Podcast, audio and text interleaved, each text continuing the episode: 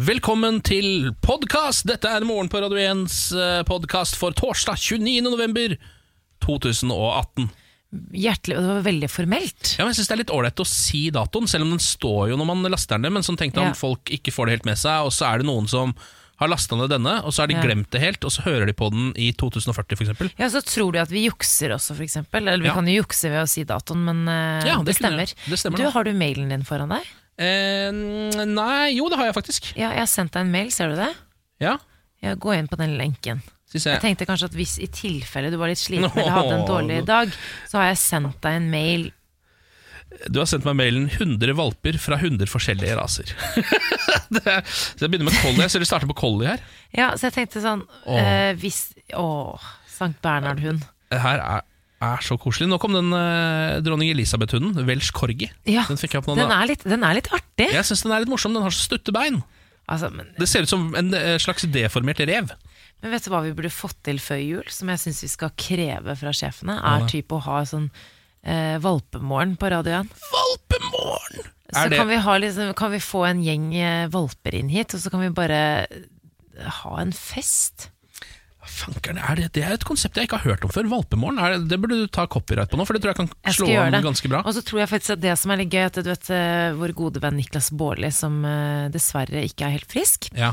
eh, han eh, sier jo selv at han ikke har noe indre liv, og at han ikke har noe empati, Ja. sympati, alle disse eh, medmenneskelige egenskapene her. Men akkurat når det gjelder hunder, da kommer den mjuke, mjuke siden fram i Niklas. Ja. Så jeg tror det her kan være bra sånn eh, teambuilding. Han er ikke så god på mellommenneskelige relasjoner, Niklas, men han er god Nei. på mellomdyrlige. Der er han god, han er god med dyr. Ja, og det er det som redder han fra å være en eh, total psykopat. Det er helt riktig. Jeg er veldig glad i Niklas. Ja, Niklas er Niklas er ålreit, han. Halla, Ja. Niklas. Jeg tipper du sitter sikkert og hører på dette her nå for å se hva vi har gjort i dag mens du har ligget hjemme med Uh, noe som enten er omgangssyke, omgangssyke Ja. eller matforgiftning. Vi er ikke helt sikre. ja, men skal vi komme med litt eksklusivt innhold? Ja. Ikke eksklusivt, men vi har jo vi, vi har litt dårlig samvittighet, du og jeg, Kent, Ja. fordi vi trodde at han hadde matforgiftning. Han sa har- jo det. Han sa jo det. Så vi har jo drevet og hengt ut det stedet Eller ikke hengt ut, men vi har jo nevnt eh, ved navn. Jeg har advart folk mot å ikke gå på Løren sushi, ja. som er der hvor Niklas Sand hadde vært før han fikk matforgiftning. Nå viser det seg jo at det er sannsynligvis ikke matforgiftning. Han har sikkert bare noe omgangssyke eller noe sånt. Ja, altså jeg syns jo veldig synd på Niklas, men vi må kanskje bare Ja, vi må, vi, Niklas må be om unnskyldning. Ja, Niklas må be om unnskyldning og ordne en kampanje sånn at alle som vil gå på Lunsj Sushi, gjør noe for all del. Det, det er sikkert ikke det som har gjort Niklas syk. Ikke sant. Nei, men ellers da, takk for en fin dag da, Ja, det var veldig hyggelig dag. Får jo kanskje, jeg vet ikke, Har du lyst til å tease noe i sendingen, kanskje? Ja, Det blir jo litt Russland-stoff i dag, da. Ja, det blir det. Eh, Vi kommer til å lære litt mer om Russland- og Ukraina-konflikten. Mm -hmm. Der er det, det er litt sånn komplisert nå, men eh, har liksom følelsen at det er eh, like før det smeller litt der. Det er Litt Ja. sånn skummelt. Og så annen eh, viktig eh, nytt, det er jo at Kim Kardashian var høy da hun giftet seg, Ja. for Og eksempel. da hun Uh, lagde- Spilte inn sextape. Sex. Og så har vi Melania Trump, hun er med i sending. Altså det er, det er mye, det er mange godbiter. Det er bare å kose seg. Uh, vel bekomme. Her er ukas Nei, ukas jeg dagens podkast. Morgen på Radio 1. Samantha Skogran, god morgen til deg. God morgen. Hvis du ikke har våknet enda, så håper jeg virkelig at du våknet av den eh, sangen der. Ja. For det er en sånn trall som du bare liksom Ja. Du begynner nesten å danse litt eh, frem og tilbake, eller jukke litt frem og tilbake om du vil. Jeg tror Hvis man har den som vekkerklokke, eh, eller hvis man for eksempel har Radio 1 som sånn radiovekkerklokke, da, og så kommer den på, så våkner du bare, tror jeg, da at, du danser, at beina dine bare driver og har Ja. gått, gått helt amok. eh, Jeg så under dyna. bena dine under bordet her. Ja, De gikk amok. Du bare kjenner 'Å, dæven, hvorfor er jeg så løs i kneleddet?' Å ja, der var, det, der var det torsdag morgen, ja. Men hvordan eh, er det med deg i dag, Dekken? Jeg føler meg eh, ganske opplagt. Ja. Og det er et eller annet med at eh, når noen andre ikke føler seg så bra Fordi Niklas Baarli eh, har jo slitt litt grann med en matforgiftning, kan vi røpe. Takket være noe dårlig sushi, Ja. tror vi. Ja, Han spiste, mener han selv, han spiste sin lokale sushi. Eh, det var ikke bra, så alle dere som bor eh, på Løren-området Mm. eh, i Oslo, hold dere unna Løren sushi. Det er det som er så er, er kjipt. Fordi jeg husker jeg også jeg har blitt matforgiftet én gang, og det var av dårlig sushi. Men selve sushisjappa var jo den lokale Ja. eh, på Briskeby i Oslo, der hvor jeg vokste opp. Ja. Men det, det var en kjempegod restaurant. Det var bare så de, utrolig uflaks at den ene tunfisken var dårlig. Ja. Skjønner du hva jeg mener? Ja. Og jeg spiste jo aldri der igjen, men det gjorde foreldrene mine, og det gikk jo helt fint. Det er Men- bare litt sånn synd. Ja, men det er nesten Jeg føler jeg blir på en måte da eh, Jeg blir matforgifta øh, psykisk hvis jeg drar tilbake til stedet vi har blitt det før. Ja. Selv om maten ikke er dårlig, så kjenner jeg bare øh, det er et eller annet som Ja. det ligger i veggene, liksom. Det var 16-årsdagen min for øvrig. Øh, For jeg skulle hadde invitert alle vennene mine på fest. Måtte sitte på soverommet mens det var fest i mitt eget hus. For jeg var så dårlig. ja. Det er ikke synd på meg, for jeg hadde ikke en sånn Sweet 16 som du ser på MTV, men det var jo, det var jo fest, da. ja. Så eh, for å ikke håper å si, vekke Jeg ville ikke at alle skulle komme bort og bare 'Å, går det bra?' Jeg ville liksom at de skulle kose seg, men det var liksom kjipt å ikke være med på festen selv. ja. Da hadde du egentlig bare lagd fest for de andre. Fikk ikke noe ut av det sjøl. Men eh, vi håper jo at Niklas føler seg bedre snart, da. Ja, han eh, nevnte at han egentlig var keen på å prøve å komme eh, i dag.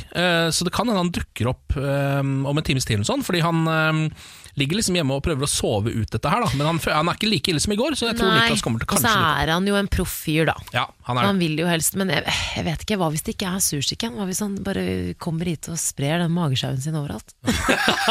Du vil egentlig at han skal holde seg hjemme? ikke kom på jobb, Niklas! Niklas, hvis du hører på dette, du kan godt bare bli i senga, du. Der. er, vi koser oss, igjen som Manta, vi klarer oss. Vi. Ja. Morgen på Radio 1.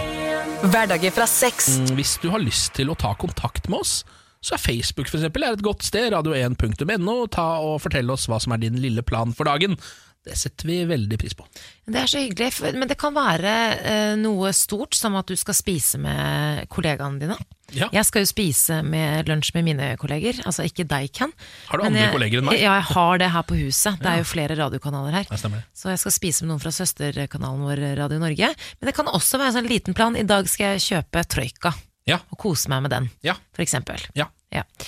Jeg har litt lyst til å snakke om eh, denne brystskandalen som eh, Aftenposten skriver om. 8000 kvinner har opplevd skader og bivirkninger pga. brystimplantater første halvår i år. Det viser et nytt amerikansk register. Ja. Um, I 2004 ble det klart at 170 000 kvinner som hadde operert inn silikon fra den amerikanske produsenten Dow Corning, hadde krav på erstatning, for de ble syke av implantatene. Ja. Det er her historien starter. Eh, da hadde silikon da lekket ut i kroppen, eh, og ja, du kan, det kan du rett og slett eh, bli veldig sjuk av. Og blant disse var det da 200 norske kvinner. Og nå har Aftenposten da snakket eh, med en av de, eh, Karin Wenche Østhaug, som slet i 40 år med store smerter i høyre bryst, arm og skulder, etter at hun fikk operert inn silikonimplantater i 20-årene. ja. Eh, og da hun da for to år siden fjernet disse implantatene, så um, forsvant smertene. Og det Norge nå eh, Nå vil jo også da eh, norske leger ha det samme registeret som da USA holder på med. Og forsker altså de driver jo og forsker da, eh, på om det her har på en måte sammenheng. Og eh, med, ikke bare det med smerter og sånn, men, men med kreft og, og andre typer sykdommer. Om det faktisk er eh, farlig. For nå, i 2004 var det jo snakk om disse akkurat de silikonimplantatene fra, fra Dow Corning, fra den produsenten. Men nå driver de og ser på, på måte, hva silikon kan gjøre med deg. Ja. Eller om du kan bli dårlig av det, rett og slett. Og Det det syns mange jeg er så skummelt. Ja, det, jeg hadde blitt livredd. En, det er jo en alien-følelse, syns jeg, da, å ha et sånt fremmedlegeme som det, som bare Ja. vibrerer rundt i kroppen din. Ja, fordi jeg er ikke imot at folk gjør det, i det hele Nei. tatt. Eh, Men, men jeg ville ikke gjort det sjæl med det første, fordi nettopp pga. det. At det er et fremmedlegeme i kroppen som ikke er naturlig. Ja. Jeg hadde vært så redd for at det, det hadde eksplodert, eller at jeg hadde blitt syk, da, som disse kvinnene her. Ja, så er det jo en operasjon. Ikke sant? Man skal jo Ja. legge seg under kniven, som det heter, for ja. å få det til å skje. Og det er jo veldig mange som, Jeg vet ikke om man angrer, men det er jo veldig mange, jeg har inntrykk av at det er veldig mange som opererer det ut igjen etter hvert. Det er det, og så må du jo bytte de etter hvert også. Ja. Det er det veldig mange som gjør. Men eh, i USA i hvert fall så har nå eh, helsemyndighetene strammet inn kravene til innrapportering av skader og bivirkninger av brystimplantater. Det skjedde jo da i 2016. Um, samme året ble det meldt om 200 skader. Neste år, altså året etter, i fjor, 2017, ble det rapportert om 4500 skader. Ja.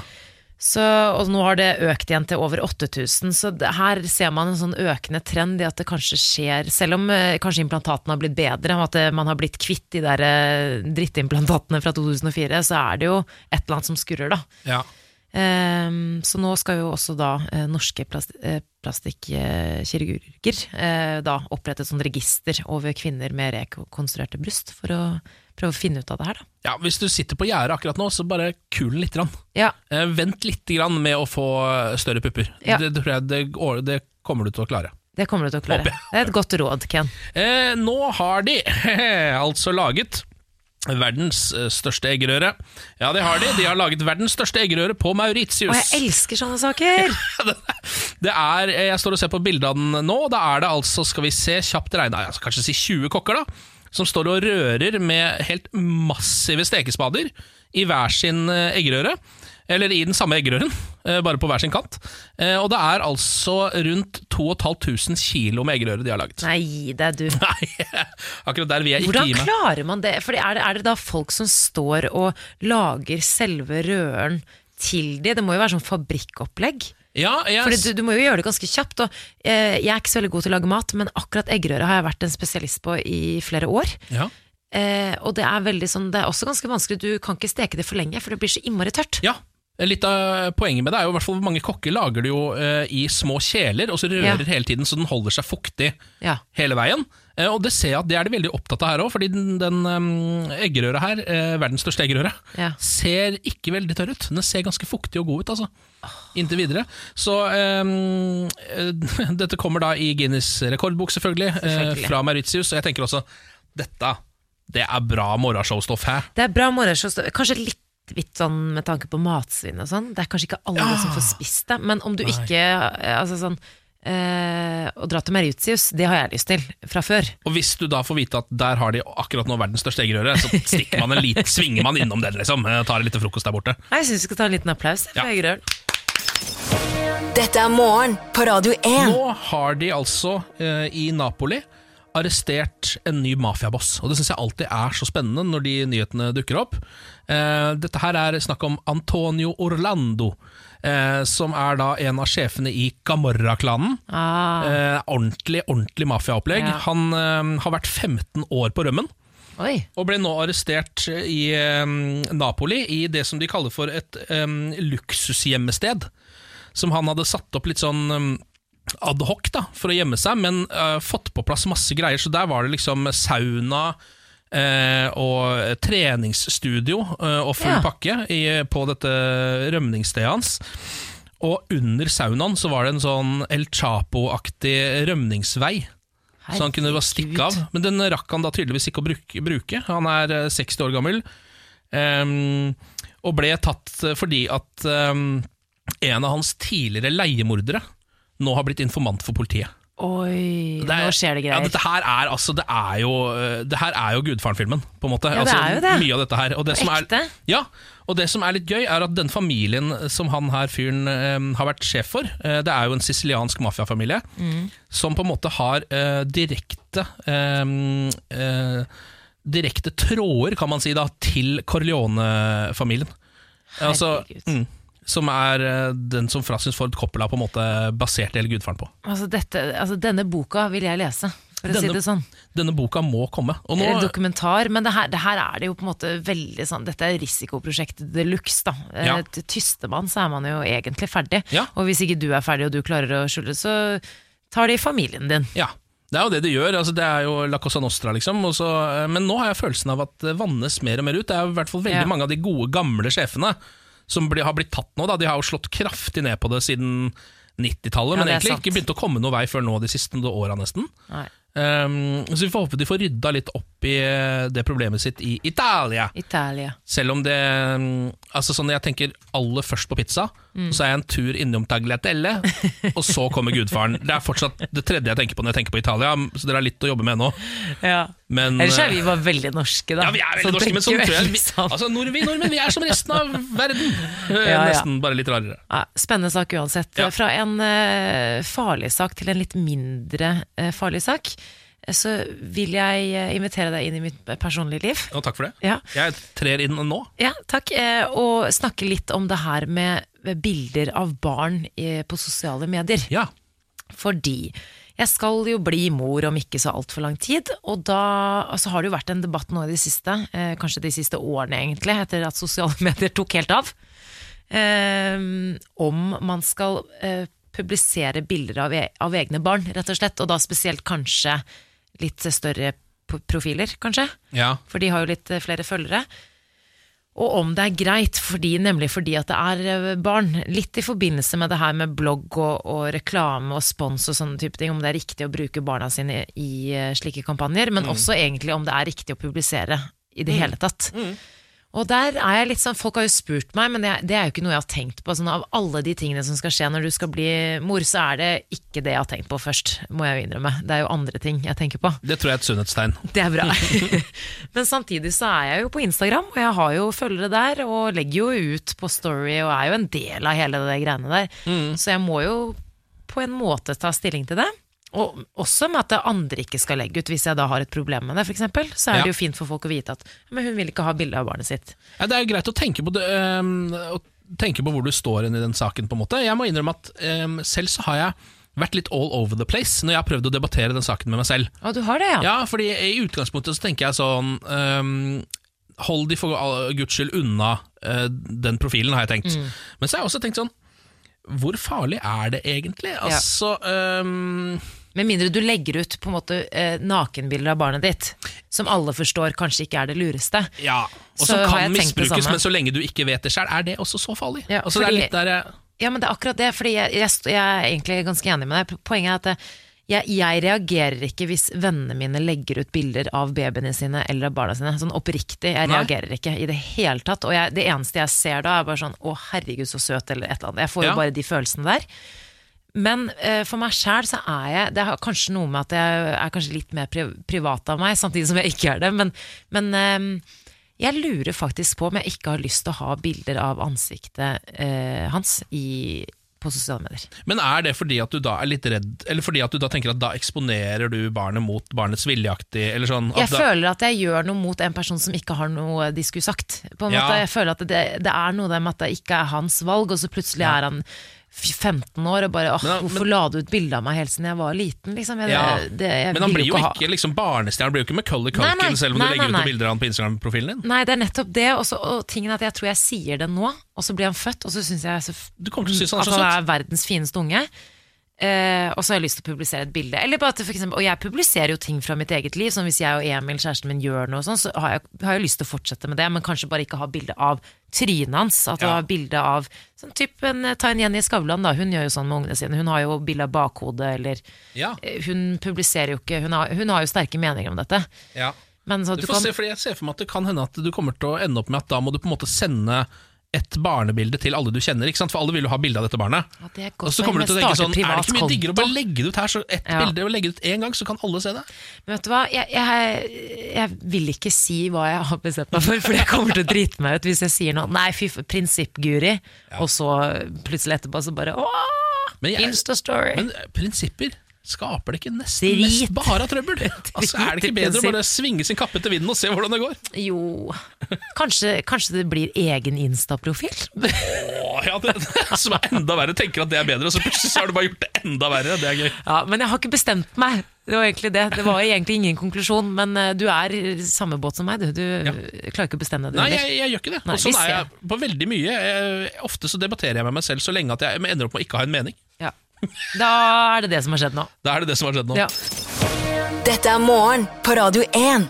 Magnus Carlsen skremte vettet av eget støtteapparat, så avgjorde han VM-kampen. Ja. Magnus Carlsen ble feiret med konfetti på hotellet sitt eh, i London i går kveld etter å ha blitt eh, verdensmester for eh, fjerde gang. Ja. Han, eh, selv om han har fått mye kritikk for at han eh, ikke er på det samme nivået som han var før, så er han verdensmester, så vi kan jo ta en liten applaus Ja, er, for Magnus Carlsen. ja, ja, ja, ja. Og for at han ble feiret med konfetti. Det er, sånn, det er, så, det er så bra. Det er, sånn gjør man ikke alltid, for man tenker at det er old school, men Ja. jeg, vil- jeg vil alltid feires med konfetti. ja, men ikke hvis det er hjemme hos deg selv. Fordi det er altså et, Ja. Det å få den konfettien opp Ja. Eh, og bort, det er, det er helt håpløst. Og folk tar den eh, med seg hjem også. Jeg var hos en kompis uh, Ja, her i bursdag. Fant ikke du noe Jo, jeg fant i bokseren Ja, sånn to det. uker senere. Det er litt Det sier mye om meg òg, men, Hvor ja, ofte vasker du klærne dine? nesten aldri. Nei, men det er det som er, det dukker opp fra de rareste Ja, stedene, selv om du vasker klærne dine. Men uansett, han skremte jo altså støtteapparatet sitt. I første omspillsparti så stoppet han for å tenke i over ni minutter. Oi. Så holdt han på å rote bort overtaket. Nå, eh, nå kan ikke jeg sjakk. Nei. Jeg satt og så på, eller jeg hadde på i bakgrunnen da, mens jeg lagde mat osv. Så, videre. så jeg, eh, jeg var ikke nervøs. Nei. Men de andre som kan sjakk, og de som er, står han nærmest, de var litt nervøse. Fordi ni minutter, det er ganske lenge. Ja, men det er en, eh, sjakk er jo en litt rar TV-sport, på en måte, selv om den jo funker. De har fått det til å funke, men det er jo et eller annet med at jeg husker jeg satt jo og så på Caruana tenke i 25 minutter her en gang. Eh, Ja. mens jeg satt og så på dette Og da er det et eller annet med at det er ingen av de som anerkjenner det før han er ferdig. Nei, ikke sant. Så det er liksom, de sitter bare på en måte Så er sånn, hva er det som skjer nå egentlig? Er, skjer det noe nå? Har de tatt pause, eller hva? Ja. Så ser jeg bare Tia står og går på Caruana, og idet han flytter brikken, så er det sånn Og da brukte han veldig lang tid. ja. Sånn, da kommer det fram plutselig! Ja, ja. Så det er ingen som sier sånn Hvorfor har han ikke flytta ennå? Han sitter, hvorfor sitter han og tenker fortsatt? Ja, Mens han gjør det. Men det er ingen som kan betvile en sjakkspiller heller, Fordi Nei, det det. man, de sitter jo med tusenvis av uh, mulige utfall Ja, i hodet. ja. Så, men uh, så er det alltid litt sånn gøy å se på de som står og ser på på skjermen. Altså de som var i London, men typ manageren hans og faren og sånn. De, de, de ser jo dritnervøse ut. Ja. Så det skaper jo spenning, det også. Men uh, dessuten så var jo ikke det trekket han tok etter de ni, ni minuttene det beste. Så Carlsen mistet jo mye av fordelen akkurat der. Ja. Så da var det på en måte litt spenning, men sånn ellers så var det jo ikke Det var spennende i går, altså, men, men det var uh, Man skjønte jo etter hvert at det gikk Carlsen sin vei. Ja. Uh, og så syns jeg alltid, når vi ser på de pressekonferansene i etter, etterkant når, man, når de sitter der og, og skal forklare seg håper jeg, om, om, om partiet osv., så, videre, så syns jeg alltid så synd på Caruana. Spesielt i går, da Carlsen ble verdensmester og han tapte. Han sitter jo ikke sant? Alle bare hyller Carlsen, som han stakkars sitter rett ved siden av og bare Der må Ja. du sitte i en time og svare på spørsmål. Ja. Sånn er det jo, men Ja. likevel, jeg syns litt synd på Caruana. Ja, jeg er litt enig. De kunne jo eh, kanskje ha vurdert å liksom bare ha vinneren på den pressekonferansen på et eller annet vis, og så Ja. gjøre et sånt uh, taperintervju med taperen i en annen sone, hvis du skjønner hva. Ja, jeg, at jeg hadde ikke giddet å sitte der og få rubba det inn hvis jeg hadde tapt i Fifa, og, skulle og du skulle sitte og intervjue Torkil da, fordi han hadde slått meg, f.eks. Ja, Det hadde jeg ikke orka. vært Nei, nettopp. Det er en psykisk påkjenning som må sitte der. Men, men eh, vi sier gratulerer til Magnus Carlsen. gratulerer til Magnus. Du gjorde det litt spesielt denne gangen. Du venta på en måte på straffekonken. Bare satt og Ja. på straffekonken Ja. Og så hamra du bare inn uh, alt rett opp i krysset. da Så da var det liksom greit. Uh, apropos fotball, så har jeg nå en sak fra Irland her borte. Uh, er en merkelig sak, altså. Nå er det et uh, fotballag som heter Ballybrock FC, som da har um, um, lagt ut de, de sendte av gårde en slags pressemelding om at en av spillerne deres hadde gått bort. Eh, en av hadde dødd. Og så ble jo det tatt ganske altså sånn eh, verdig imot i den ligaen de spiller i, som ikke er toppligaen, men en av de mindre ligaene. Eh, og alle, alle lagene hadde ett minutts stillhet eh, på neste runde osv.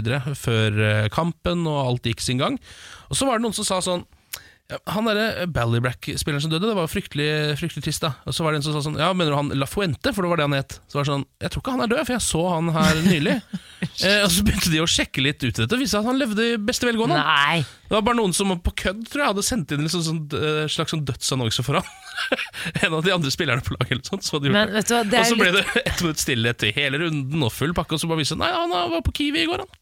Men det er litt forstyrrende også at det på en måte går sånn forbi stillhet. Altså, det er veldig hyggelig at de hadde markering for han og sånn, men det er Ja. sånn Hæ, er det ikke større? Det er ingen som, ingen som på en måte Ja, det bare går forbi, på en måte. Og så bare Ja. Ja, ja, men er ingen som er triste nå lenger, på en måte. Nei, for, men sånn funker det jo litt i fotballen. Når man har det der ett minutt stille, så har man gjort jobben. Da er Ja, liksom, det er, ferdig med det. Ja, Sorgen er over. Vi går videre nå, liksom. Har du sett den episoden av Friends hvor eh, Ross, karakteren Ross, eh, at de tuller med han og eh, altså, de legger ut en sånn dødsannonse i avisen, så er det ingen som kommer til minnestunden. Nei! Jo, men det er litt sånn, da.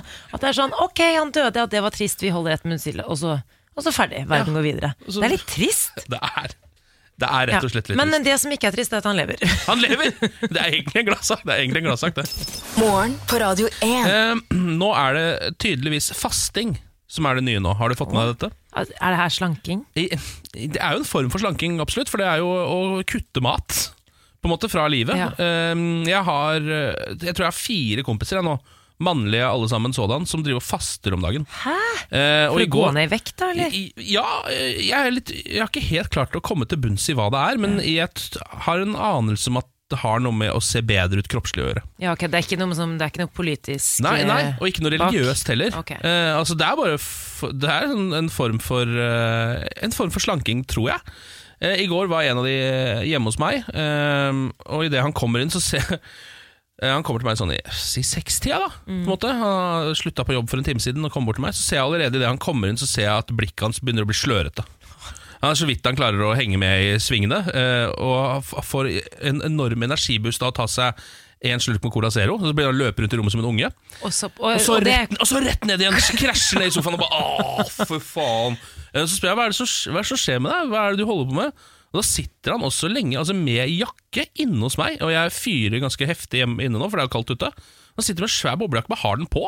Jeg bare, Hvorfor har du på deg boblejakke, skal du ikke ta av den? Er det kaldt? Så bare, Hva er det som skjer med deg? Jeg faster. Så, ja, så, hva har du spist i dag, for eksempel? Da? Altså, to egg og en banan. Nei, uh, så, nei, men nei. hva er det du driver med? Hvorfor? Og han så jo han så tynnere ut enn han hadde vært før. Ja, ja. Men han klarer jo ikke å leve, da. nei. Fordi kroppen trenger jo næring. vet du Ja, det var det, da. Det er det som er Ja, for jeg har hørt om en sånn uh, slags fastediett hvor du skal bare spise hardkokte egg og kaffe. det, Jeg tror det var en sånn Det er greie. sikkert den, Det er nok du. den han var på, så han bare, sikkert bare sneket til seg en banan, som egentlig ikke er lov ifølge dietten, men som han bare har tatt seg. Det som er problemet, hvis du, hvis du Det funker jo, det er som du sier, hvis han så tynn ut. Det er, Ja, var sikkert ut, ja. fordi at han var det. Fordi Ja. du går fort ned. Problemet er at du tærer eh, innsiden av kroppen din og alle innvollene dine. Det er ikke bra. Og så går du ganske fort opp igjen, skjønner du. Det er det jojo-greiene. Det er det jeg også har en anelse om, skjønner du, fordi dette her kan jo ikke holde. Altså, this, this can't stand. Så han må jo på et tidspunkt begynne å innta mat, og da tror jeg at han kommer til bare å swink, gå rett opp igjen, og så sitter han egentlig bare igjen med Dårlige eh, minner. noen, noen måneder hvor han ikke husker noen ting, fordi han har vært underernært og gått ut og fryser inne hos folk. Ja. Og oppført seg som en narkoman. Ja, ja, på en måte det han gjorde! Det er akkurat det han gjorde! Det var som å ha en narkoman hjemme. Nei, vi som radioprogram anbefaler ikke fasting. Nei, det er, Jeg blir litt sliten av folk nå. Jeg. Det er så mye hele tida. Kan ikke folk bare leve vanlig liv og holde kjeft? Det er, ikke, det er jo kompisene dine òg, det drittlei gjelder jo alle sammen.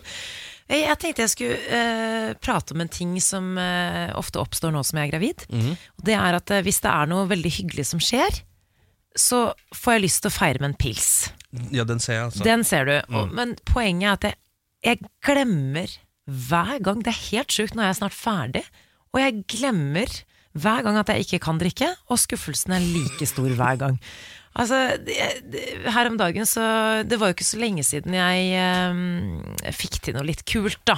Det var egentlig ikke noe, det var ikke noe sånn spesielt, men jeg bare Yes, så tenkte liksom, nå skal jeg feire litt, men og så, bare, så blir jeg alltid litt lei meg eh, for at jeg ikke kan feire med en pils, eller bare sånn at den lille gleden det gir meg, eller et glass vin, og jeg er jo veldig Ja, ja. glad i vin. Eh, og så er det jo også litt skummelt og dumt at det er alkohol som gir meg denne gleden, og at det er ingenting annet i verden, og da mener jeg ingenting annet i verden, ikke Emil, ikke dette barnet her, som kan gi meg den samme gleden. Det er, en, det er jo en skummel erkjennelse, rett og slett. Ja, jeg må Men- bare være ærlig. Ja, men det er jo veldig bra at du er det. eh, Og jeg er jo um, litt på samme Jeg har det litt på samme måte. Ja. jeg kjenner mange som har det sånn. Jeg tror bare folk syns det er litt flaut å si det så Ja. tydelig og i klartekst som det Ja. du gjorde nå. Ja, men jeg syns det er litt flaut. Og, og for, eh, også når dette barnet blir født, det er jo klart at det blir den største gleden jeg har opplevd i livet mitt, men det er mer den der kosegleden som ikke passer inn i noen andre kategorier i livet mitt. Det er bare den kosen som du kan få etter en lang dag, og du har fått til noe eller, eller det har også oppstått når jeg f.eks. har vært litt lei meg, eller at det har vært litt sånn dårlig dag. Så bare, Ja. åh, men det skal bli godt å komme hjem og ta seg et glass vin. Men du Ja, kan det ikke, ikke det! Men for du har ikke funnet noen ok erstatter? Jo da, eh, men jeg er ikke så veldig Jeg er ikke, faktisk ikke så veldig glad i brus eller sånn sukker. Eh, jeg er ikke så glad i eh, drikk. Nei. Leskedrikk. Nei. Så, men jeg, det, alkoholfri øl smaker jo veldig godt, da. Ja. Eh, faktisk. Til tross Ja. mange gjør jo det, så det går jo an, men det er liksom placeboeffekt. Det funker ikke. Det er ikke det samme. Nei, det er ikke helt det samme. Det er ganske nære, men ikke altså, det, Mm. Det, eh, Nei, det er, det, er for, det er på en måte litt sånn eh, Men ja, man, lurer, man sitter og lurer seg selv litt hele tiden. Du må jo sitte og Ja. play games with your mind når du sitter og drikker alkohol. Nettopp. Nei, så det blir snacks, da, eller andre typer ting. Mækkern funker alltid, men jeg, kan ikke ty, jeg tyr jo ikke til Mækkern hver eneste gang. Men, eh, men jeg Det er så bra bra at sånn du sier det nå på en måte som at jeg fikk følelsen av at det gjør du nok. Nuggets! Men jeg kan bare si at jeg også har hatt svært godt av eh, ni måneder eh, snart uten alkohol. Og veldig deilig å ikke være fyllesyk. Det er helt fantastisk. Ja. Virkelig. Ja. Altså, så, å ikke være sliten i helgene. Merk, eh, jeg, Men graviditeten tar vel litt igjen for Ja, det, tror litt ikke da. det? Litt. Det blir liksom omtrent det samme, sikkert. så, Ja, hvis jeg har vært eh, sent oppe, og sånn, så føler man seg litt fyllesyk, faktisk. ja, ikke sant? Uten blir, å få gleden. Nei, faen, nå ødela du det òg. Stå på, Samantha! Stå, stå på. Morgen på Radio 1. Hverdager fra seks. Morgen på Radio 1, og det er Samantha Skogran og Kenneth Sennes Nilsen som er på plass i dag. Niklas er litt sånn småpjusk, så han holder seg hjemme. Eh, og nå har vi også fått med oss Silje på telefonen. God morgen, Silje. God morgen, god morgen. Hvordan går det med deg denne morgenen? Jo, veldig fint. Du er jo dagens deltaker i Radio 1-millionen, det er jo derfor vi ringer deg. Eh, hvor er det du befinner deg? I Kristiansand. I Kristiansand, ja. Hva er det du holder på med, da? Eh, Jeg er vernepleier. Du er vernepleier, ja. Er du på vei til jobb nå, kanskje? Ja. Ja. Ja, men da kan vi jo se om du kanskje kan bli millionær før du stikker på jobb. Ehm, vi spurte deg jo et kvalifiseringsspørsmål i dag som var da hvem er det som er frontfiguren i Coldplay? Og da svarte du? Chris Martin. Ja, det er 100 korrekt. Ehm, vi må jo kjøre i gang med reglene før vi går i gang her. Er du klar til å høre på reglene, eller? Ja. Morgen på Radio 1 og supremecard.no presenterer Radio 1-million. premien du er født til å vinne. er egentlig ganske enkle de reglene. Altså, Silje. Det er liksom bare noe vi eh, på en måte må gjennom. Det er jo det at eh, bak en dato så skjuler det seg én million kroner. Vi vet ikke hvilken dato det er. Vi har datoen i en konvolutt, faktisk, som vi skal håpe hvis ikke den ryker i løpet av uka. Eh, for å vinne så må man jo da treffe riktig dato. Eneste datoen du har lov til å oppgi, er din egen fødselsdato, Silje. Er reglene forstått? Det er greit. Da kan vi jo rett og slett begynne med å spørre deg da. Hvilken måned er du født, Silje? September. September. Hvilken dag i september er du født? 27. 27. ja. Ok. Da har vi altså 0927. eh, Og hvilket år? 1990. 1990.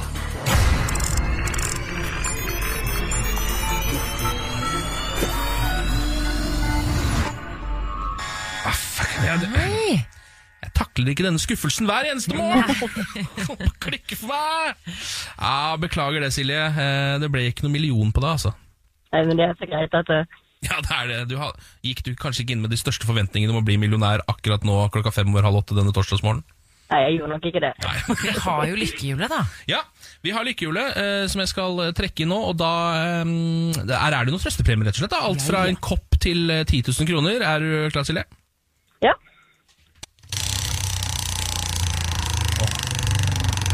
I dag. I Dag. I dag. I dag ble det kopp, ja. Ja, det ble kopp. Ja ja. Ja, Men eh, sånn er det, vet du. Eh, Man kan ikke vinne på alle livets arenaer. Eh, hva vil du at det skal stå på koppen din, Silje? Silje topp, det. Ja, Kjører navn, rett og slett. Ja. Da tar vi og sender en uh, Siljekopp av gårde til Kristiansand, og så får du ha en god dag på jobben. Har du noen planer videre etter jobb, eller? Eh, nei, det blir lang dag i dag. Ja, lang dag på jobb, ja. Hold ut. Ja. Det er snart uh, helg om, om du har fri i helgen, da. Har du, har du fri i helgen, Silje? Jeg har fri i helga. Ah, det er bra. Okay. Ja, men ha en god dag på jobb, da. Vi snakkes. Takk for det. Ha det godt. Uh, Morgen på Radio 1 og supremecard.no presenterer Radio 1-million. premien du er født til å vinne. For din mulighet til å låse opp millionen, lytt hver morgen 10 over 7. Radio 1 er dagens største hits. Og én million kroner hver morgen. Radio 1. Morgen på Radio 1. Hverdager fra seks. Du, Ken, nå er det bare å feste setebeltene, som eh, Radio 1s Lars Berrum pleier å si. Ja, nå vil jeg også si det. Ja. For det er eh, dags for din favorittspalte, nemlig Ukens sladder. Ja, deilig. Ja. Jeg starter jo med litt eh, hjemlig stoff, eh, nemlig det at Henrik fra Ex on the Beach langer ut mot TV-produksjonen Ex on the Beach. I går så slapp eh, nemlig Henrik Elvejord Borg boka Tekst on the Beach, som er skrevet i dagbokform fra oppholdet i villaen på Meritius i vinter. Og i denne boka forteller da Henrik om sin bipolare lidelse, eh, og sier også at han en gang var narkoman. Har han vært narkoman? Er han ikke 19 år gammel? Eh, Han er 24. Og Mye kan skje på de årene der. Eh, samtidig tar han da et knallhardt oppgjør med skaperne eh, av norske Ex on the Beach. Eh, han forteller da at han, eh, det aldri ble sjekket opp av produksjonen for deltakelsen. Altså at han hadde disse, denne lidelsen. Og hans eh, rusbakgrunn, om du vil. Han mener at han aldri burde ha deltatt. Han sier følgende Testene i forkant var nærmest fraværende. Vi hadde en 30 minutters samtale der vi krysset av på noen spørsmål, i tillegg til en 10 minutters lang samtale på Gardermoen før avreise. Det er absolutt ikke nok til å finne ut om folk har hodet på rett sted. Men han mener at han ikke har hodet på rett sted? Typ. typ. Ja. Eh, mener også at man blir, blir en slags sånn sirkusape. At Discovery har tjent vanvittige penger på dette. Ja. Eh, det stemmer jo også. Eh, skal man la produksjonsselskapet ødelegge unge menneskers liv? Det er en problematikk jeg i hvert fall syns det er greit å ta opp. Eh, Sier eh, mann som har fått skrevet bok fordi han har fått vært med i denne produksjonen.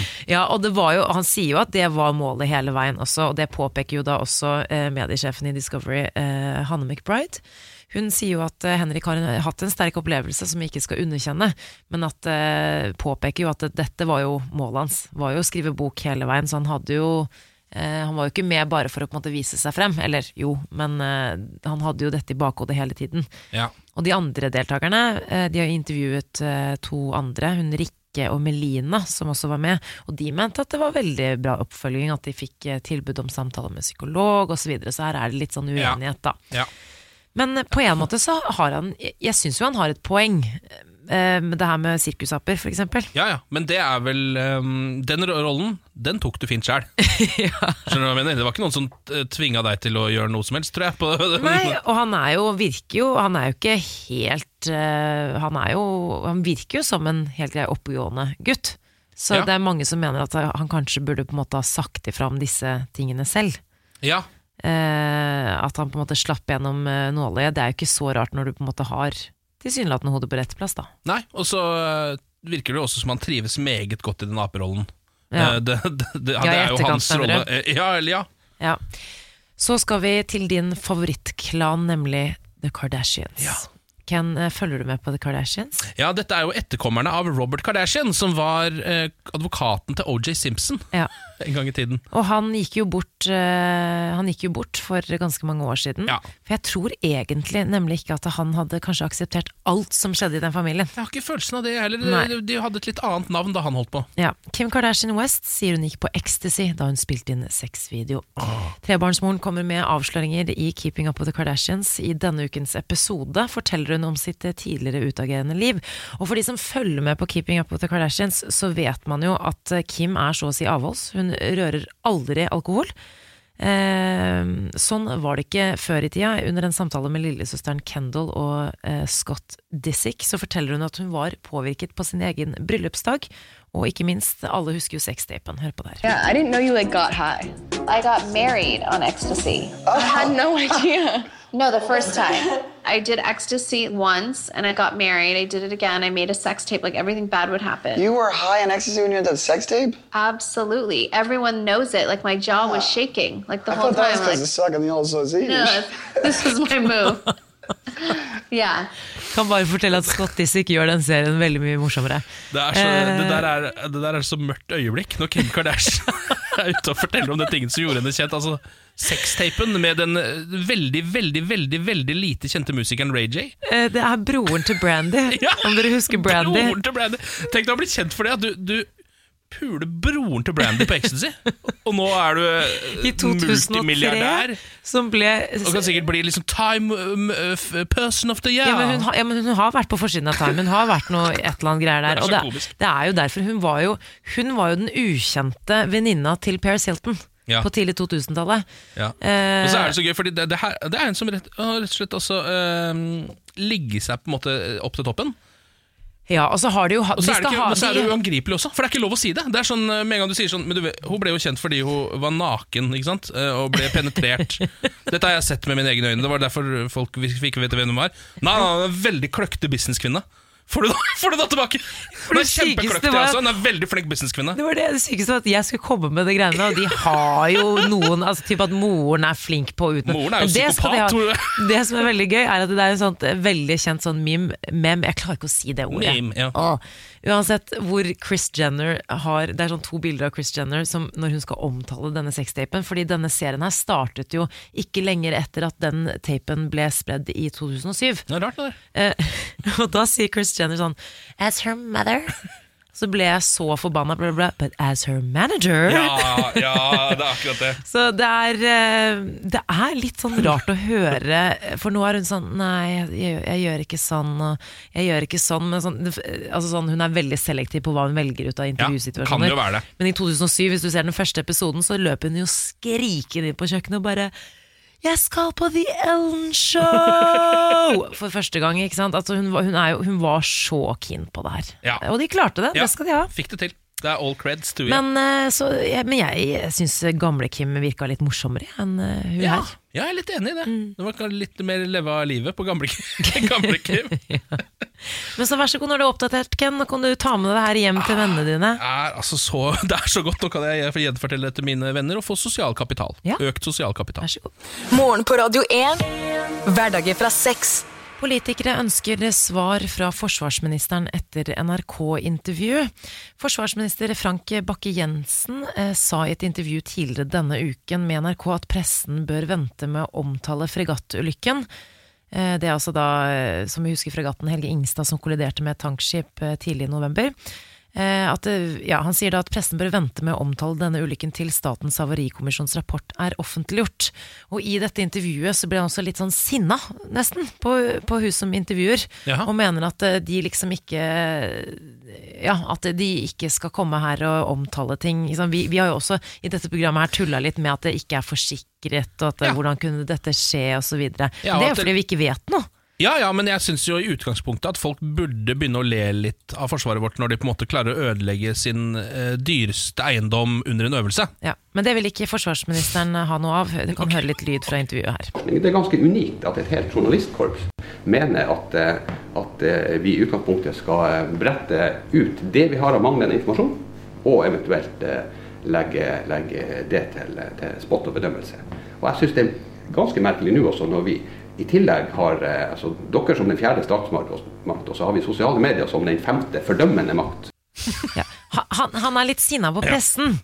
Og Ja. da, Jeg synes Det er litt interessant fordi han sier at uh, han ikke har vært med på dette her før at uh, journalister har prøvd å få tak i informasjon. ja, manglende informasjon Ja, som at vi skal komme her og si informasjon til dere som dere skal si videre. Altså, Det har jeg aldri vært med på før. Nei, uh, Audun Lysbakken sier eh, at han ble urolig. Det var nesten så han trengte sin egen havarikommisjon etter opptreden på NRK, Ja. sier Audun Lysbakken. Nå eh, skriver da de forsvarspolitiske tals talspersonene, Liv Signe Navarsete, Audun Lysbakken og Anniken Huitfeldt, i et brev at de ønsker en redegjørelse eh, for eh, grunnlaget for å holde tilbake informasjonen om hva Forsvaret så langt vet om hva som skjedde da. Fordi de, de mener at det er sånn, ok, men har dere mer informasjon? Har dere holdt tilbake informasjon? Hva har skjedd? Ja, for Han har jo direkte da bare sagt sånn eh, Nå kommer dere her og peser meg for informasjon igjen. Ja. Ikke sant? Så da skjønner jeg jo at de som på en måte er sjefene hans igjen, da Ja. Altså politikerne blir jo litt sånn Altså, du har informasjon. Ja. Du vet at vi, vi, det, vi vil ha det, skjønner du. Det, vi vil ha Vi vil veldig gjerne ha informasjon om hva som skjedde. Det er Forsvaret. Og så, og så sier han jo at vi holdt tilbake manglende informasjon. Ja. Ja. Har han egentlig noe informasjon? Hvem er det som har informasjon? Men eh, jeg forstår at han kan, alle kan bli irritert på pressen. Pressen Ja. kan være irriterende. Ja, det kan jeg være enig i. Men Det er en liten veps som alltid er rundt deg hvis du har havna oppi noe greier.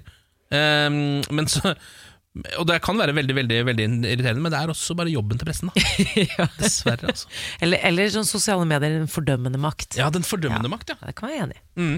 Eh, nå litt lokalstoff. Vi følger jo Finnmark Dagblad eh, denne uka her, Samantha. Ja. Eh, som dekker da eh, store deler av Vest-Finnmark. Eh, utgis i Hammerfest. Kom for første gang ut 11.9.1913, da under navnet Vest-Finnmarkens Sosialdemokrat. Ah, en gammel avis. En gammel ærverdig avis. Vi har vært innom saker som 'Vi må faen slutte å flire av søringene', eh, som var en sak om at eh, det hadde kommet snø til Finnmark, og de syns ikke det var så veldig enkelt, det heller. Nei. Nydelig Eh, sak. det var veldig fin sak. Og så har vi denne saken om at navnet til finnmarkingens band var for grovt for amerikansk radio. Eh, det var jo bandet eh, Betty Blackmail Band, som før da het The Bitch and the Bluesman. Kan ikke si bitch på amerikansk radio. Det går ikke. Så har vi jo saken fra i går. Bengt bruker trusebind han også, men ikke til det du tror.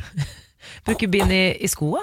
Ja, han bruker rett og slett eh, Libress eh, med vinger i skoa for å ta opp litt fuktighet der nede. Her dukka jo også ordet storforfær opp for første gang, eh, som vi som vel ennå ikke helt har klart å finne ut hva det betyr. Nei, forfjamsa, var det ikke det, da? Det, vi, vi tolka det dit hen. Ja. At det muligens betyr forfjamsa. Dagens sak er faktisk eh, litt apropos Frank Bakke-Jensen og Forsvaret, det også. Ja. For her er overskriften fra Finnmark Dagblad i dag. 'Russerne når Tanaelva i løpet av 24 timer'. Ai. Ja, ikke sant? Eh, russerne vil ved en invasjon lett nå Tanaelva i løpet av de første 24 timene. Det skriver Øyvind Ravndal i en masteroppgave ved Forsvarets høgskole. Og så er også, eh, står det her, Forsvarsdepartementet ønsker ikke å kommentere masteroppgaven, men forsvarsminister Frank Bakke-Jensen har i rekken av andre i samme stilling sagt at Russland ikke utgjør noen militær trussel.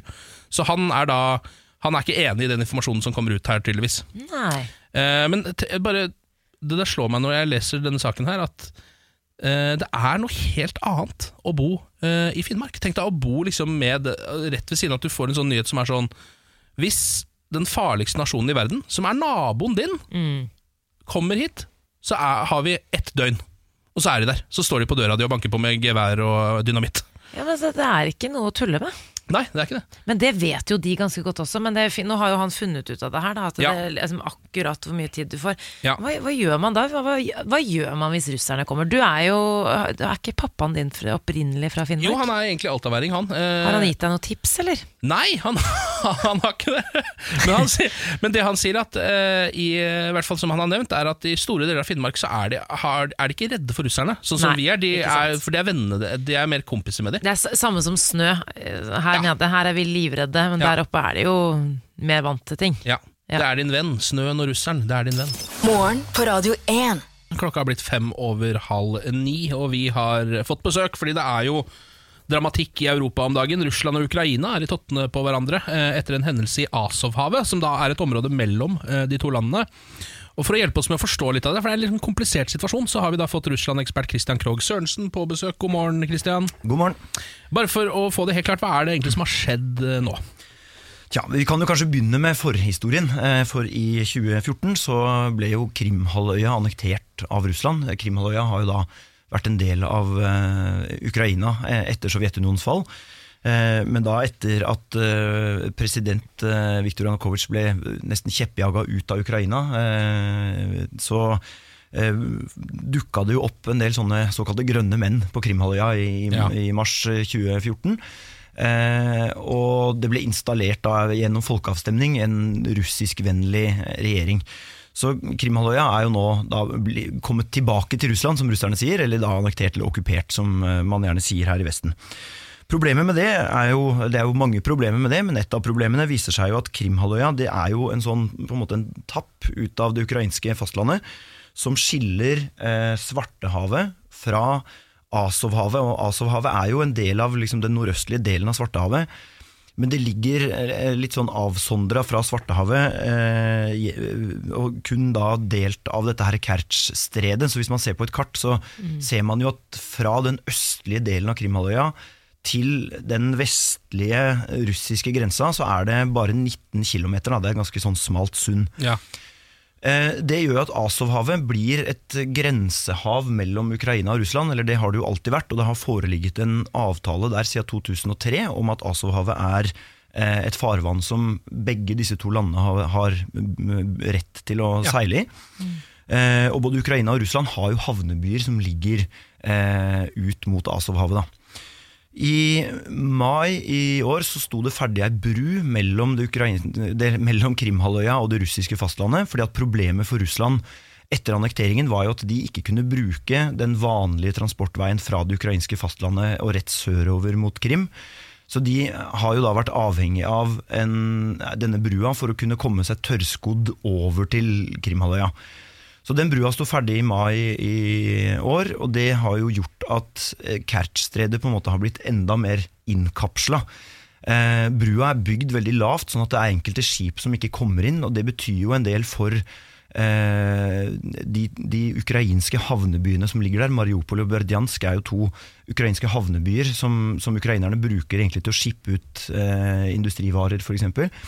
Og ukrainerne hevder jo da at russerne nå har begynt å eh, gradvis sabotere deres skipsfart og skipstrafikk inn og ut av Azovhavet. Ja. Så det som skjedde på søndag morgen, i, altså nå forrige søndag, det var at det kom to ukrainske marinefartøy fra tre ukrainske marinefartøy, to små sånne eh, artilleriskip og, og en slepebåt, som kom fra Odessa, som altså da ligger vest for Krimhalvøya. Kom seilende rundt Krimhalvøya og skulle inn i Azovhavet da, via dette Kertsj-stredet. Ukrainerne hevder at eh, de hadde anropt russisk kystvakt for å si fra om at disse her eh, marinefartøyene kom eh, uten å få svar, og russerne hevder at de ikke har hørt noe som helst i det hele tatt. Så da, da, Den russiske versjonen går jo da på at idet de ser eh, tre ukrainske marinefartøy, to av dem ganske tungt bevæpna, nærme seg denne brua og dette trange stredet, så ser de på det som et, eh, en, eh, altså en, en, fremmedmakts marinefartøy som kommer inn i russisk territorialfarvann. Eh, og de begynner da å anrope eh, disse skipene og vil, vil at de skal snu, eh, men de snur ikke. Eh, hvorpå da eh, russisk marine kommanderer et sivilt tankskip til å legge seg på tvers langs denne brua. Eh, For å prøve å hindre innfarten til disse her eh, ukrainske fartøyene. ja, Så nå har de blokkert eh, det området der, da. Riktig. Eh, og så oppstår det da en situasjon der, eh, disse, altså der den russiske marinen sender ut noen bevæpna fartøy som da eh, praktisk talt forsøker å renne disse ukrainske fartøyene i senk. De ukrainske fartøyene snur etter hvert og, og seiler sørover, men blir da jaga av, av russisk marine. Eh, og det blir skutt, og det er da eh, et av de ukrainske skipene som blir truffet. Og, og ifølge ukrainsk marine så er det seks eh, gaster da som blir såra. Ja. Og så borer eh, russisk kystvakt disse fartøyene og arresterer, eller pågriper, da, eh, de, russiske, nei, de ukrainske eh, gastene. Så bringer de, har de brakt alle disse fartøyene inn i havna i Kertsj og på en måte eh, anholdt dem, og så har de arrestert 24 ukrainske marinegaster som de nå driver og tiltaler for å ha eh, overtrådt grense, altså gått inn i russisk eh, grensefarvann. Det kan være ganske lang straff også, eller fengselsstraff, kan ikke det da? Ja, her ser man jo på, på straffer som kan vare i flere år. og det, det er jo litt spesielt i og med at altså, Offisielt sett så er jo ikke Russland og Ukraina i krig, så disse folka blir jo ikke behandla som krigsfanger, men, men de blir da, eh, etter det jeg har forstått, tiltalt i en sivil rett for å på en måte ha individuelt krenka russisk grense da, med, med våpen i hånd. Men russisk etterretningstjeneste slapp en video i går av eh, noen ukrainske fanger som eh, tar ansvar for situasjonen, at det er de som har opptrådt eh, provoserende. Men eh, Ukraina sier jo at det bare er tull, for at de sitter og leser opp fra et manus. Er det Ja, altså Når man ser disse videoene, så øh, får man jo ikke inntrykk av at disse ukrainerne snakker så veldig overbevisende.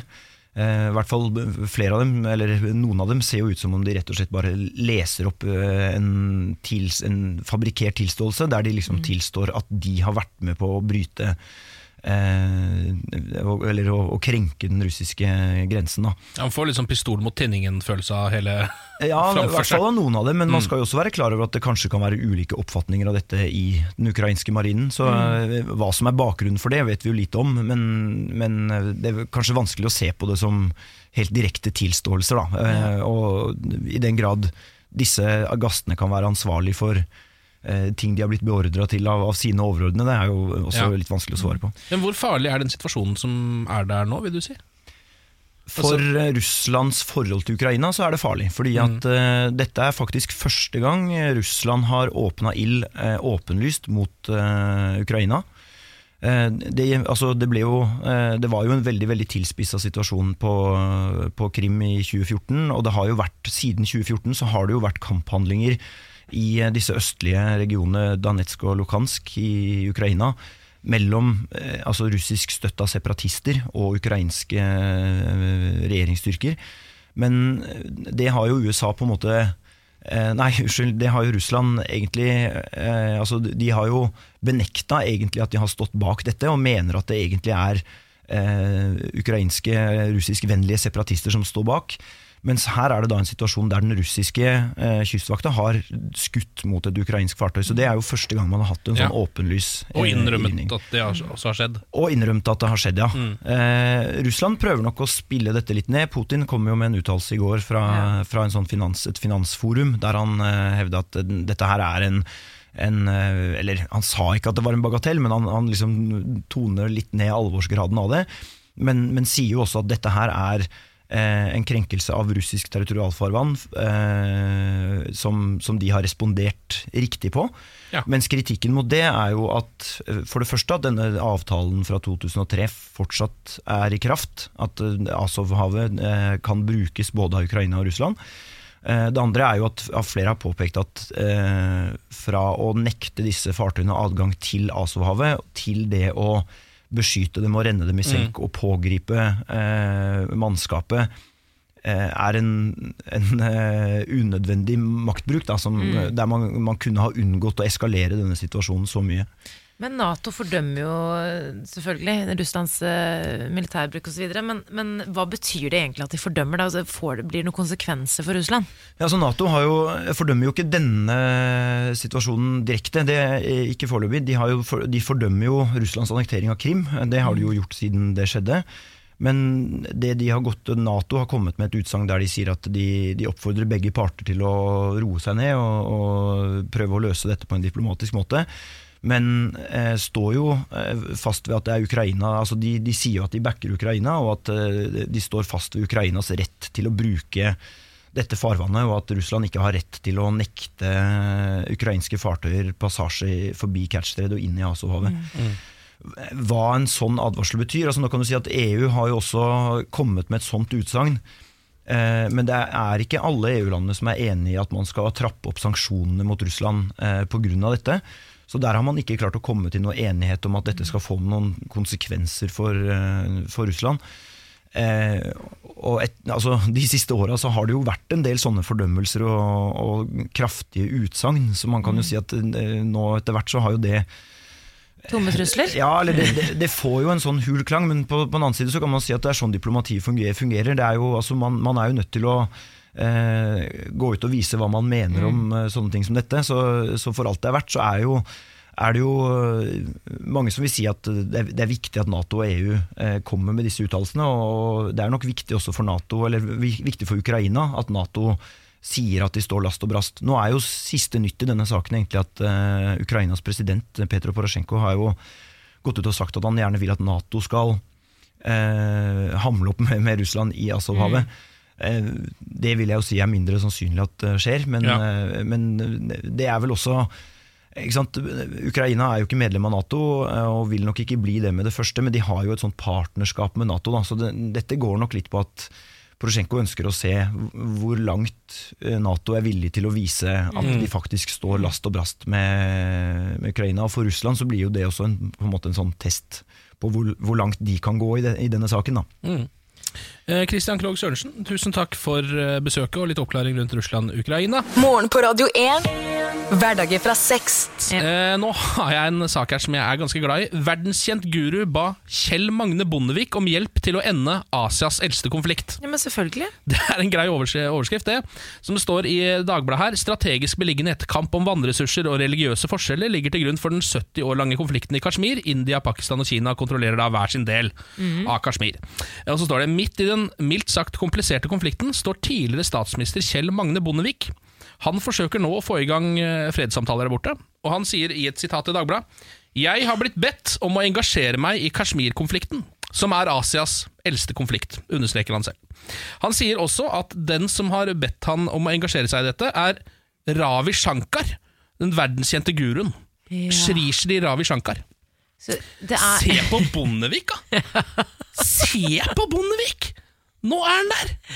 Fy men han faen! har jo han har da eh, flere kjente internasjonale venner, han. Ja, ja, ja, han har vel det. Hvem er den Men, mest sett av de? Er det? Jeg vet ikke, men det, jeg ser jo alltid Nå sa produsenten vår nå. Det er Ja, jo Bono, ja, Bono. jeg med Bono! Faen, se på Kjell Men han er jo trivelig fyr, vet du. Ja, men se på han. Nå har, de, altså, nå har de på en måte slitt med denne konflikten i 70 år. Mm. Eh, Ravi Shankar har satt seg ned i dyp meditasjon for å finne ut hvordan i alle dager kan vi ende denne konflikten. Og så har det bare poppa opp i hodet hans Kjell Magne Bondevik. Ja. Det er det vi trenger. Få flydd Kjell Magne inn her. 70 år med smerte. Rett ut av vinduet. Ja, tror jeg. Ja, ja, jeg har litt troa sjæl, jeg kjenner jeg. Ja, fy faen, Kjell Magne, nå snakker vi, altså. Morgen på Radio 1. Det blir aldri verdens beste dag når du våkner opp og snøen eh, daler ned, og det i tillegg ikke er, og det i tillegg ikke er kald snø, fordi det er jo det er varm snø. Ja. Eh, Så dette her blir jo sludd. Og jeg har ikke tatt med meg vinterskoene mine fra mine foreldre ennå. Ja, du har ikke lagt om til vinterdekk ennå, på en måte? Altså bytta ut ikke sko uh, Kan faktisk melde om at det har vært veldig mange ulykker i dag. Ja, det har det. Eh, ja, eh, både på Sørlandet, men også i Trøndelag og litt sånn. Så vi, folk Ja. må faktisk være forsiktige. Pass dere litt ute på veien i dag. Ja. Eh, der kan det være litt skummelt. Ta det med ro. Eh, dere er bedre å komme fram enn å ikke komme fram. Sludd er en slags djevelens cocktail. Tenk det. Der kom den, ja. Der kom den. Djevelsk cocktail, den likte jeg. Eh, du er jo eh, vår, eh, vår folkereporter, Pernille. Du er der ute på gata. Du har med deg opptakeren din. Ta med deg meninger fra folk inn hit i studio, og så kan vi diskutere litt rundt det. Yes. Og nå er det jo snorking som har vært på agendaen vår denne uka, i hvert fall litt. Eh, Niklas sliter jo veldig med at han snorker, og at Benjamin, som han er sammen med, misliker det og utøver vold mot han i søvne. Ja, han sliter med vold fra kjæresten fordi han snorker, Ja. på en måte. Ja, og jeg kan kjenne meg litt igjen i det. Jeg har litt sånn snorkeproblemer sjøl, så uh, du har vært ute og fått noen uh, tips, Pernille. Det har jeg absolutt. Og Benjamin, nå er det bare å spisse øra uh, og høre på tipsene. Bare dytt litt i det, så gir det seg. Snu den på sida, snu vedkommende på sida. Um, kjøpe sånne kjempedyre Bose in-air sound-greier. Um, Fins det ikke sånne snorkeputer-ish? Noe sånt noe, eller hvis det er kjempeille, så kan du jo bruke sånn Hva, hva heter det? Ørepropper-ish, ja. Jeg er vel en av dem selv, tror jeg, så det er ikke så lett. Nei, jeg vet ikke. Eh, man kan sikkert eh, finne sånne apparater på nettet, sånn man putter i nesa eller hva man gjør. Eh, ellers så kan man jo Nei, det er litt tricky. Jeg snakker litt sjøl, da. Eh, Jo, det gjør Jeg tenker nå bare at den andre parten får ta ørepropper eller noe sånt. Da må man kontakte eh, Lovisenberg, Diakonale sykehus. Så får man hjelp mot det. Du finner en svamp, putter den i munnen hans, eller hennes. Var, var det Benjamin? Jeg, jeg gleder meg til den dagen Niklas kommer på jobb og sier i natt så puttet Benjamin en svamp inn i munnen min. Uh, jeg synes Det er litt rart at ingen foreslår det som jo jeg føler er litt sånn åpenbart her, men som kanskje ikke er så bra for samlivet. Men kanskje det er det òg, nemlig separate bedrooms. Separate bedrooms. For det er det ingen som foreslår. Men er det så koselig, da? Nei, kanskje ikke, men det kan hende det holder lenger pga. det. Ja, ja, det er veldig mange det. som begynner med det når de er sånn Når, når sexlysten begynner å gå litt bort. Ja. Så er det jo mange som gjør det uansett. Da. de bare deler opp, så bor de på hvert sitt rom, og så irriterer de ikke hverandre like mye som de gjorde før. Men da er det liksom sånn altså, Da skjønner jeg ikke hvorfor man skal være Nå skal ikke jeg kaste Det kan jo godt Det er er være masse at Man kan se på film sammen, og så gå og legge seg hver for seg. Ja, det er ehm, partnerskapet. Man kan til og med se på film sammen, øh, øh, kose seg litt sammen, og så ligge med hverandre, og så gå og legge seg Ja, hver for seg! for jeg liker faktisk ikke så veldig godt å sove med folk. Så Nei, jeg- Hvem er det som egentlig liker det å ha folk oppå seg når de sover? Det, det som skjer før, er greit, men søvnen? Ja, Det er mange som er snugglers. Ja. Som er sånn spooners. Som elsker å spune. Da blir jeg sliten, ass. Men eh, Samantha, du husker jo sikkert denne referansen, fordi både du og jeg er jo ivrige fans av Gilmore Girls. Og den ene kjæresten til Lorelei Gilmore, eh, Jason Digger, eller Dugger, eller hva han heter. Ja, Digger Digger det jeg tenkte på nå, Eh, ja, faktisk. Han sover altså så lett, så han kan ikke sove med noen andre. Men da har han lagd altså det sjukeste soverommet som da sine erobringer kan sove på. Oi, Gjesterom, jeg ble da, så kan du gira at si. jeg mista altså sånn, Jeg drømmer om en digger, da, for å si det sånn. Fordi at eh, Hvis jeg kunne fått et gjesterom der jeg kunne heist TV-en ned fra taket Ja, så- og hatt Ja, det er smart. Så han i sin liksom mancave, så har han to rom, så da kan øh, Ja, det er smart. Nettopp, og hun var jo veldig skeptisk og bare, det her er jo bare, bare, Kan du ikke bare si at eh, du vil ha meg vekk? Altså, jeg kan godt dra hjem. Men hun ba, han bare nei, nei, men jeg får bare ikke sove. Og så er det det soverommet. Så vet du hva, det kan være løsningen for Niklas, at han kan ha sitt eget, eh, altså sin egen sånn mancave-soverom. Der ser du, Hør på Lorelai Gilmore, veit alltid hva hun snakker om. Snakker litt fort, så er det vanskelig å få med seg noen ganger, men det som kommer ut her, er veldig ofte veldig smart. Det er godt. Det er ti av ti, faktisk. Eh, I går så tok jeg opp to kubbelys. Eh, så satte jeg det i vinduskarmen, for da var det advent, tenkte jeg. Nå er du klar for jula! Ja, det er liksom min eh, Det er det jeg gjør når det er advent. Da. Det, er ikke, det blir ikke noe særlig mer enn det. Men jeg lurer litt på hvordan forholder folk seg til det der. Er advent sterkt i Norge? Har folk tradisjoner rundt det? Eh, er det i ferd med å dø ut, kanskje liksom i vår generasjon? For foreldrene våre setter jo opp masse adventsgreier, føler jeg. Ja. Men jeg vet ikke om vi gjør det på samme måte. Nei, Um, altså Jeg har hatt krangler med min mor de siste fire årene fordi at hun nekter å putte opp sånne nisser og sånn som jeg har lagd eh, tidligere i mitt liv. Dorullnissene dine? Ja, og jeg syns det er så koselig når jeg kommer hjem til andre av mine venners hjem og det er masse nisser, og der står det sånn Å, Ingrid, tre år, liksom. Ja. Åh, det er så koselig. Men mamma nekter. Eh, så det blir liksom et par julelys i en gran utenfor, og så er det finito finale. Ja. Eh, jeg har jo heller ikke pynta noe som helst hjemme hos meg. Nei, men sjekk det med folk. Hvordan er adventstradisjonene der ute i det norske folk? Mm. Oppgaven til morgenen, Pernille. Perfekt. Morgen på Radio 1. Det ble eh, blodrøde grantrær på Det hvite hus eh, i år. Det er tradisjon at USAs førstedame velger ut dekorasjonen eh, når det skal pyntes til jul Mm. eh, i Det hvite hus. Hun har fått mye kritikk for sine blodrøde juletrær. Ja, Folk sier at de ligner på tamponger, f.eks. Blodrøde ta ja, eh, tamponger, eller eh, som sånne sla sånn slavetema fra Ja. Handmaid's Tale. Ja, ja, det minner litt om Handmaid's Tale. da. Eh, Det er snakk om 40 000 røde julekuler, en julekrans av blyanter og mye, mye mer. Uh, uansett, Vi snakket jo litt om det her i går, eh, da Siri Kristiansen var vikar for Niklas også. Vi ble egentlig litt enige om å forsvare Melania litt. Ja. Fordi vi tenkte bare men la henne nå få pynte sånn, da. Og julepynt, det skal faktisk være rødt. Ja, det skal det. Altså, jul er rød. Så det er, jeg syns ikke det er så merkelig. Nei. Og så er det litt sånn, man veit at hvis folk bare får et eller annet de kan kritisere henne for, så gjør man jo det. Ja, det er akkurat det. Men hun var eh, i forbindelse med en eh, konferanse som hun eh, var på i går, så ville hun da forsvare seg, så vi kan jo høre hva hun hadde å si. We are in 21st century and everybody has a different taste. I think they look fantastic.